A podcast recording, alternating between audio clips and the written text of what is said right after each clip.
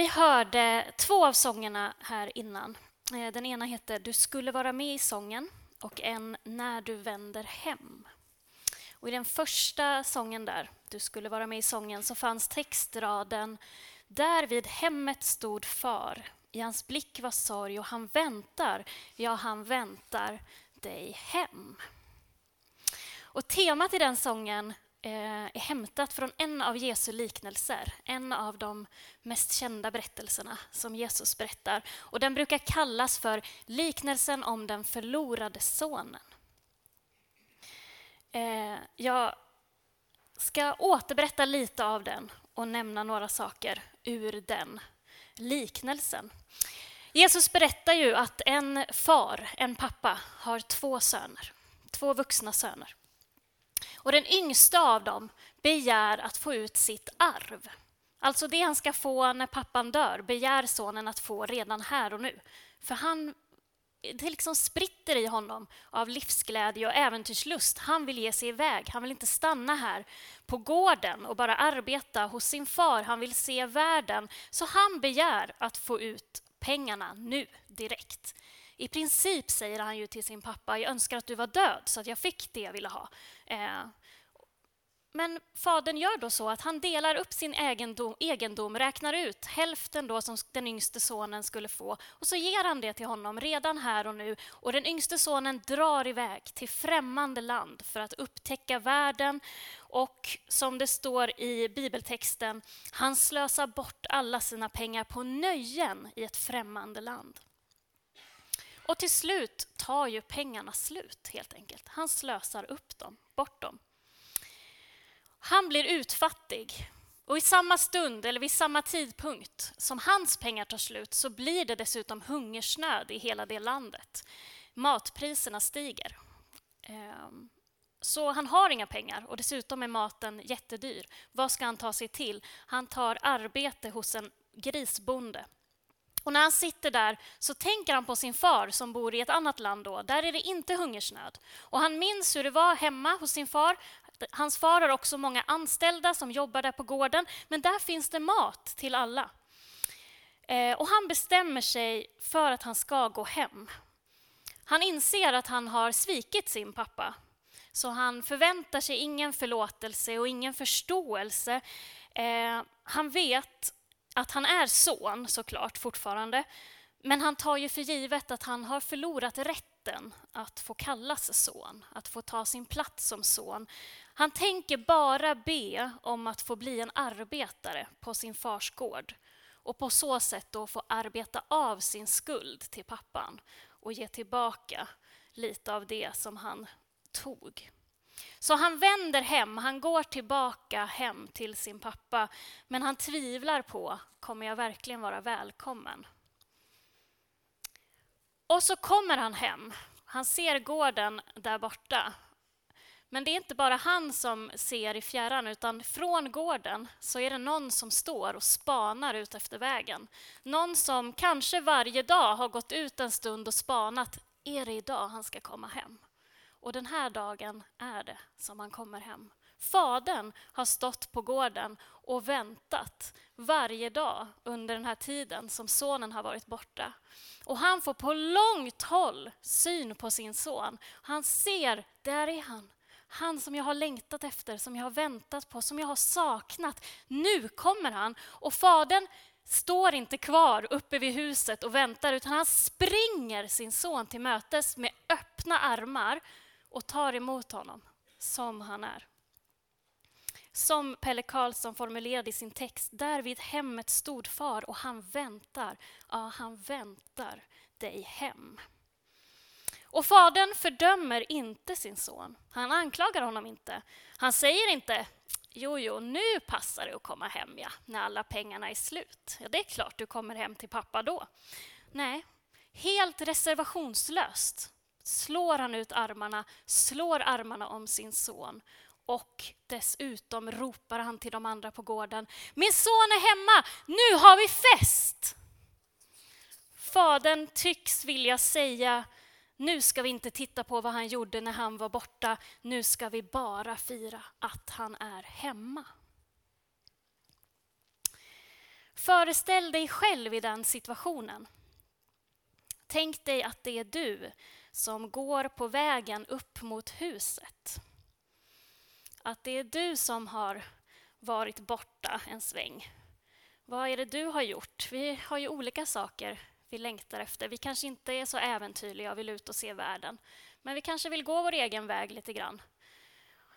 Föreställ dig att det är du som har varit borta från Fadern och nu är du på väg hem. Eh, hur känner du dig? Föreställ dig att du får se Gud Fader själv komma springande mot dig med öppna armar. Hur ser han ut? Hur är hans blick på dig? Han slår armarna om dig.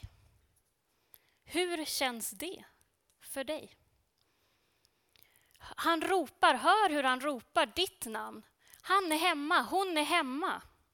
Nu ska vi ställa till med fest. Alla på gården samlas och ser att du har kommit hem, att Fadern står och omfamnar dig. Hur känns det för dig att plötsligt stå i centrum? Tar du lika reservationslöst emot den här kärleken som visas dig? Är det så att du blir glad över att alla på gården samlas och ser att du har kommit hem? Eller blir du generad? Vill du kanske inte ha så där jättemycket uppmärksamhet just nu? Skjuter du kanske Fadern ifrån dig Eh, nej, jag, jag, måste ju först få förklara. Alltså, alltså, jag vet, jag vet att jag har gjort fel, men jag, men jag ska arbeta för dig. Eh, jag, jag, vill inte ha en fest, det var inte så jag menade. Eh, inte ska ni väl göra det här för mig? Jag ska visa att jag har ångrat mig. Jag ska jobba ihop det här. Jag är inte bättre än någon annan. Jag är sämre än de andra här. Ställ till med fest för någon annan. Titta inte på mig. Tack för att jag får komma hem, men gör inte allt det här besväret för min skull. Är det kanske så man också skulle kunna känna i den situationen? Att ta emot förlåtelse kan vara lika svårt som att tro att det inte finns någon förlåtelse. Kanske till och med ännu svårare. Att faktiskt förstå att allt det gamla är borta. Att det faktiskt finns en chans att helt börja om. Ibland kanske det är så att det finns något inom oss som får oss att klamra oss fast vid våra synder, vid våra misslyckanden, vid sånt vi skäms för. Det kanske finns något inom oss ibland som hindrar oss från att låta Gud radera ut det förflutna och ge oss en ny start. Ibland kanske det till och med är så att jag vill bevisa för Gud att mitt mörker det är så svårt att ta sig igenom, det klarar inte ens du, Gud. Att Gud vill upprätta mig helt och hållet som sitt barn, men jag envisas med att säga nej, det är för svårt, det är för mörkt. Men jag kan vara en arbetare till dig. Jag kan försöka göra rätt för mig.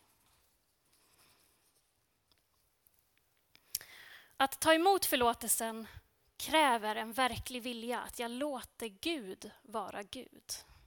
Att jag låter Fadern vara just min far och inte min arbetsgivare. Så länge som jag vill försöka förtjäna förlåtelsen på egen hand så har jag inte helt och hållet tagit emot förlåtelse.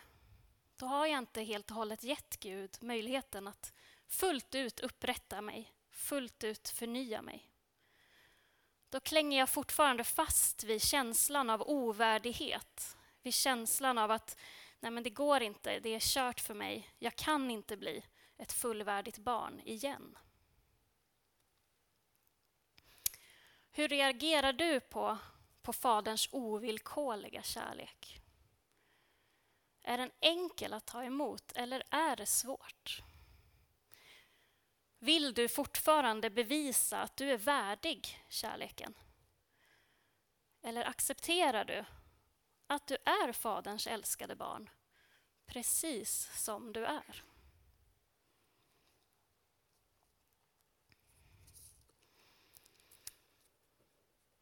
Det verkar ju i berättelsen, när Jesus berättar den, så verkar det som att den yngre sonen, han tar emot. Han accepterar förlåtelsen och kärleken. Han står kvar i omfamningen. Han låter sig kläs med nya kläder. Han förs in i huset. Det ställs till med en fest. Han tar emot den kärlek som han inte på något sätt förtjänar. Men i den här liknelsen så berättas det ju att fadern har två söner. Det var en som gav sig iväg. Det var en som krävde ut arvet och gav sig iväg och, en, och kom tillbaka. Men en, den äldre sonen, har alltid varit kvar hemma hos fadern. Han gav sig inte av. Han begärde inte ut sitt arv. Han gjorde inga fel. Och han anser att han inte har fått det som han faktiskt förtjänar. I berättelsen så hör han sång och musik uppe i huset. Han är ute på fälten och arbetar. Han undrar vad är det som står på, vad är det som händer? Han kallar till sig några tjänare, vad är det som har hänt? Ja, men din bror har kommit hem, han som har varit borta. Och nu har vi fest. Har ni fest? För min bror? För den där? Han som gav sig iväg, han som praktiskt talat önskade att våran far skulle dö här och nu så han kunde få sitt. Han som har slösat bort alltihop på nöjen. Ställer de till fest för honom?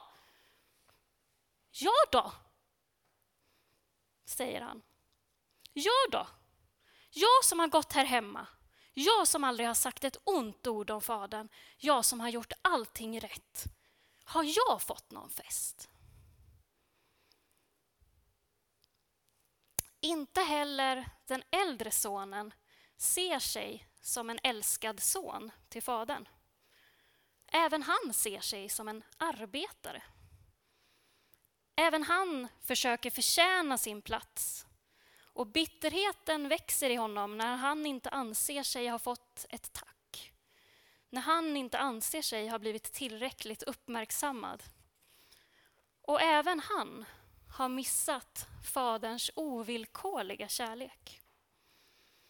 I strävan efter att, ha, efter att försöka förtjäna det goda så ser han inte sin fars generositet och givmildhet. I berättelsen så vägrar han att gå in till festen när han har hört tjänaren säga att det är fest för hans bror. Han tänker inte gå in. Så fadern kommer ut till honom och frågar vad är det som är fel. Och allt det här kommer ut ur honom då. Hur kan ni ställa till med fest för min bror? Jag då, jag som har slavat för dig.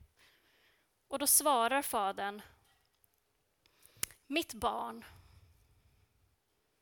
mitt barn, du är alltid hos mig. Allt mitt är ditt. Alltså, han betonar, du är mitt barn, du är inte min arbetare. Jag har inte förväntat mig att du ska göra allt till punkt och pricka. Jag har inte sagt att du måste förtjäna min kärlek. Du är inte min arbetare, du är mitt barn. Du behöver inte förtjäna det som finns på den här gården, det är redan ditt. Du är min son, du lever redan i det. Varsågod, ta emot. De båda sönerna är förlorade. Fast på olika sätt. Den yngre sonen förlorades genom att gå bort. Men han kom hem. Han lät sig omfamnas av Fadern. Han tog emot festen som var ett uttryck för Faderns kärlek. Den äldre sonen var förlorad fast hemma. Han såg inte Faderns oerhörda kärlek. För även för honom stod Faderns famn öppen. Mitt barn, du är alltid hos mig. Det är en öppen famn till den äldre sonen som har gått där hemma. Men hur han väljer att göra efter att fadern har sagt detta, det får vi inte reda på i berättelsen. Här slutar berättelsen. Vi vet inte om den äldre sonen accepterar detta. Vi vet inte om han lägger ner sin stolthet, sin bitterhet, sin känsla av att vara förbisedd och faktiskt går in till festen. Det får vi inte svar på. Här slutar Jesu liknelse. Och därmed riktas frågan till oss. Känner vi oss förbisedda? Anser vi att vi inte har fått det vi har förtjänat? Och vad gör vi i så fall med de känslorna och de tankarna? Vad gör vi med det när vi står inför Fadern som säger till oss, mitt barn, du är alltid hos mig och allt mitt är ditt.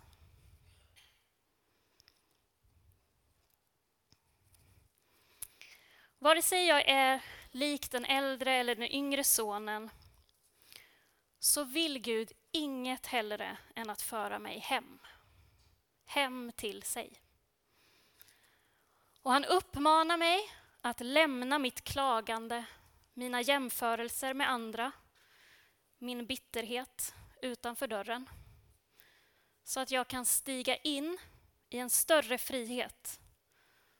En frihet där jag kan lära mig att både ge och ta emot kärlek på samma villkorslösa sätt som Fadern. Den här liknelsen handlar inte bara om en Gud som förlåter och älskar. Det gör den. Jesus vill berätta hur Gud är, då berättar han om en far som står och väntar på sitt barn. Men den här liknelsen innehåller också en kallelse till oss om att bli lika Fadern. Att när jag har kommit hem, när jag har vänt hem, när jag har tagit min plats i Guds familj som Guds älskade barn, då tillhör jag Gud då är jag arvinge, då är jag barn till Gud. Jag är efterträdare till honom och jag kallas att ta min fars plats. Och det handlar om att älska så som jag har blivit älskad. Att ta emot och omfamna andra så som jag själv blir mottagen av Gud. Att visa andra nåd och barmhärtighet och omsorg på samma sätt så som jag har fått nåd, barmhärtighet och omsorg. Jag kallas att bli som och agera som Fadern. I den här världen så är vi påverkade av konkurrenstänkande och jämförelser. Och vi förväntar oss att vi ska arbeta för att förtjäna lön och vi ska förtjäna uppmärksamhet och förtjäna kärlek. Och vi bedömer också andra på det sättet. Att vi älskar andra utifrån hur mycket de har förtjänat det. Men när vi tillhör Gud så kallas vi att älska utan villkor. För vi kallas att leva så som han lever. Vi är kallade att älska varandra på Guds sätt, inte på världens sätt. Om Gud förlåter alla oavsett vilka det är, så ska vi också vi som tror på honom förlåta andra. Och om Gud välkomnar alla hem till sig så måste vi som litar på honom också välkomna människor. Och om Gud är barmhärtig så ska också vi som tillhör honom vara barmhärtiga. Det är inte lätt. Det kräver emellanåt ansträngning. Det är att gång på gång kasta sig på Gud och hans nåd men det handlar om att steg för steg få växa ifrån sin egen bitterhet, sina egna klaganden och sina egna jämförelser med andra för att nå en större frihet och försöka, äl försöka älska andra så villkorslöst jag bara kan. Det är vad vi kallas att göra. Utifrån våra förmågor och utifrån vårt bästa försöka lägga bort det som hindrar och istället försöka älska så som Gud älskar. Det finns tillfällen när jag är den yngre sonen och drar iväg. Det finns också tillfällen när jag är den äldre sonen och blir bitter och tycker att jag förtjänar mer tack. Men oavsett så är min kallelse att komma hem till Gud, hem till Fadern omfamnas av honom. Och att fullt ut ta platsen som son eller dotter och bli så lik min far som jag bara kan. Vi ber tillsammans. Jag tackar dig Jesus att vi har fått lyssna till en berättelse som du berättade Som du berättade när du blev anklagad för att umgås med fel sorts människor. När de som var rätt sorts människor med hög status anklagade dig för att umgås med de som var dåliga, med de som hade låg status. Då berättade du den här berättelsen för att visa på hur Gud är. Att Gud är den som står med öppna armar och väntar på att vi ska komma hem. Att Gud är den som, som säger till oss Mitt barn, allt mitt är ditt. Tack Jesus för att du genom ditt liv visade det, den sortens liv. Ett liv av barmhärtighet och omsorg, av kärlek. Tack för att du visade oss hurdan Gud är och att vi kan få lära känna Gud här och nu i våra liv. Gud, du ser den, det som vi bär på. Du vet vem vi tycker vi är mest lik av den yngre eller den äldre sonen, Herre. Tack för att samma kallelse går till oss alla, att vi kan få komma hem till dig, hem till din villkorslösa kärlek, oavsett hur våra liv har varit tidigare eller hur vi har det. Ge oss mod att våga kasta oss i din famn, att inte bli generade utan fullt ut ta emot din kärlek. I Jesu namn. Amen.